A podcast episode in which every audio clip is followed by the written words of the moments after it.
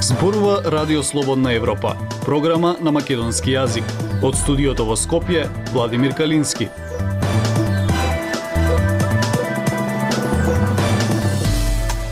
Почитувани ја следите емисијата на Радио Слободна Европа. Еден ден по пукањето во училиштето, Србија жали за жртвите во нападот. Продолжува немилосрдното ширење на бетонската џунгла во Националниот парк Маврово. Онлайн зависност, младите спијаат со телефоните до глава, слушајте не.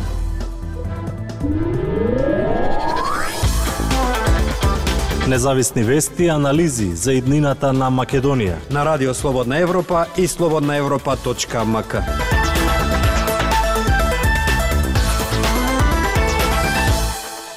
По пукањето во Белградското училиште, луѓето носат цвеќе за настраданите во центарот на Белград пред школото кое ден предходно беше место на нападот. 13 годишен ученик на 3 мај пукаше и уби 8 деца и еден чувар, а рани 6 ученици и еден наставник. Граѓани и ученици палеа свеки, полагаат свеќе и плишани мечиња пред основното училиште Владислав Рибникар во Белград, на местото каде на 3 мај се случи масовното пукање во кое тинејџер уби осуммина негови соученици и училишен чувар. Шест ученици и еден наставник беа ранети во нападот, тие се згрижени во болница. Освен со свеки и цвекиња, граѓаните и со пораки се простуваа од настраданите. За секогаш во нашите срца пишува на фудбалска топка оставена пред училиштето. Благодарам на нашиот Драган што секогаш беше тука за нас, беше пораката до обезбедувачот кој беше првата жртва на нападот на 13 годишното момче. Белгрегјанката Марија Лозановик изјави дека чувствува голема тага и болка. Очајна сум, тажна сум. Не можам да помислам дека тие деца кои утрото беа испратени на училиште не се вратија. Моје сочувство до родителите, рече таа. Како што изјавија представниците на здравствените установи, пет мина повредени во престрелката се стабилни, едно дете се уште е во критична, во ново подобра состојба, додека едно дете е витално загрозена бидејќи лекарите се борат за неговиот живот. Ова на 4 мај го соопштија директорите на здравствените установи каде се сместени повредените. Директорката на Универзитетскиот клинички центар на Србија изјави дека состојбата со двајцата ученици и наставничката кои се сместени во таа установа е многу подобра. Четвртиот пациент, како што изјави Ашанин, во клиничкиот центар бил донесен како најтешко повреден со прострелни рани во градниот кош, вратот и кичмата. Тој имал две операции. Подобар е, будене, но мораме да бидеме многу внимателни и да го квалификуваме како критичен, рече Ашанин. Директорот на Универзитетската детска клиника во Тиршова, Синиша Дучик, изјави дека од тројцата пациенти на таа клиника, две се момчиња со прострелни рани на нозете и дека тие се стабилни и добро. Тој изјави дека во следните неколку дена може да бидат пуштени дома. Девојката која беше оперирана од повреди на главата е витално загрозена во критична состојба. Лекарите прават се за да ја одржат во живот, но незината општа состојба е многу тешка и витално е загрозена, рече Дучик. Во меѓувреме, Министерството за внатрешни работи на Србија најави обстежна контрола на оружјето што го поседуваат граѓаните низ целата земја. Како што е наведено во денешното соопштение за медиумите, контролата ќе биде спроведена со цел да се утврди дали граѓаните чуваат оружје во согласност со важечките прописи, одвоено од муниција и затворено во соодветни кабинети и сефови. Како што се обштија властите еден ден предходно, осомничениот тинејџер зел од дома два пиштоли кои ги поседувал неговиот татко за да го изврши пукањето. Пиштолите биле чувани во сеф, но како што се наведува, тинејџерот очигледно ја знаел шифрата на сефот. Обсежна контрола на оружјето беше предложена од српскиот председател Александар Вучик на брифинг со новинарите одржан на 3 мај. Вучик исто така изјави дека ќе и предложи на српската влада да спроведе две годишен мораториум за издавање дозволи за оружје, освен за ловечки пушки. Институтот за ментално здравје во Белград отвори две телефонски линии за психолошка поддршка. Тимот психолог и психијатар ќе им пружа стручна поддршка на семејствата на загинатите, на наставниците и на учениците. Исто така на клиниката за психијатрија на клиничкиот центар во Србија формиран е тим од експерти кои ќе бидат достапни за поддршка на сите кои имаат потреба од тоа. Просветните работници кои се дел од синдикатот Независност и од Унијата на синдикати на просветните работници на Србија во петок на 5 мај ја прекинуваат работата. Вработените тој ден ќе бидат во училиштата и другите образовни институции, но нема да предаваат. Како што наведоа, со целосно прекинување на работата сакаат да укажат на незавидната положба на образованието во Србија и да ја споделат својата тага и болка со семејството на загинатите во трагичниот настан. Се што правиме и ќе направиме со најдобра намера училиштата да станат безбедно место за образование и воспитување на сите наши деца, се вели во писмото на Унијата на синдикати до родителите. Комесарот за информации од јавно значење и заштита на личните податоци апелираше до медиумите и надлежните органи да ја почитуваат приватноста на сите лица засегнати од нападот во училиштето Владислав Рибникар во Белград. Дајте ни 15 минути и ние ќе ви го дадеме светот. Слободна Европа.мк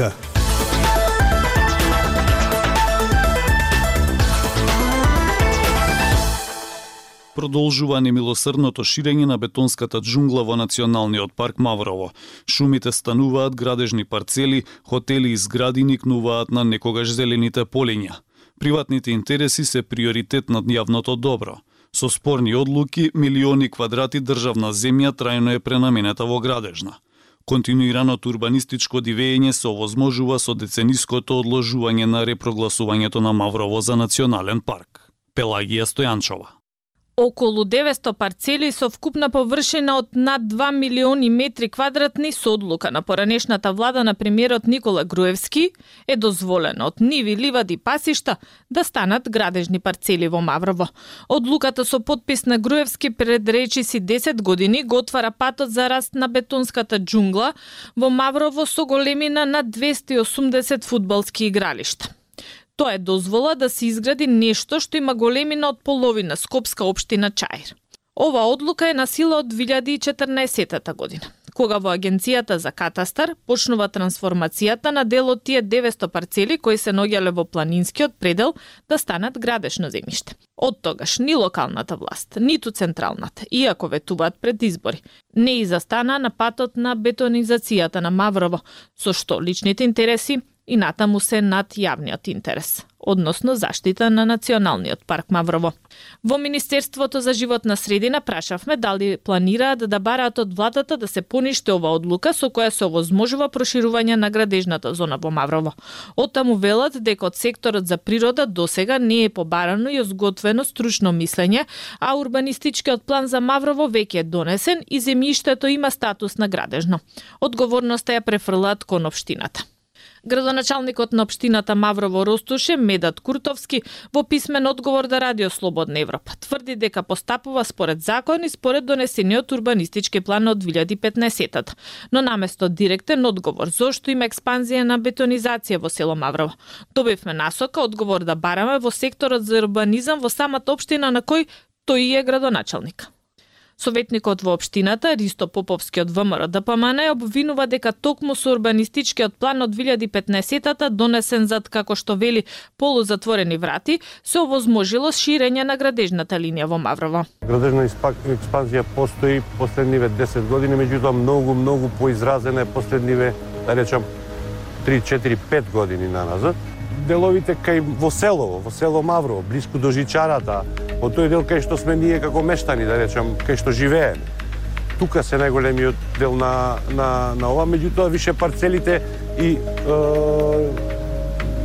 се толку колку што се.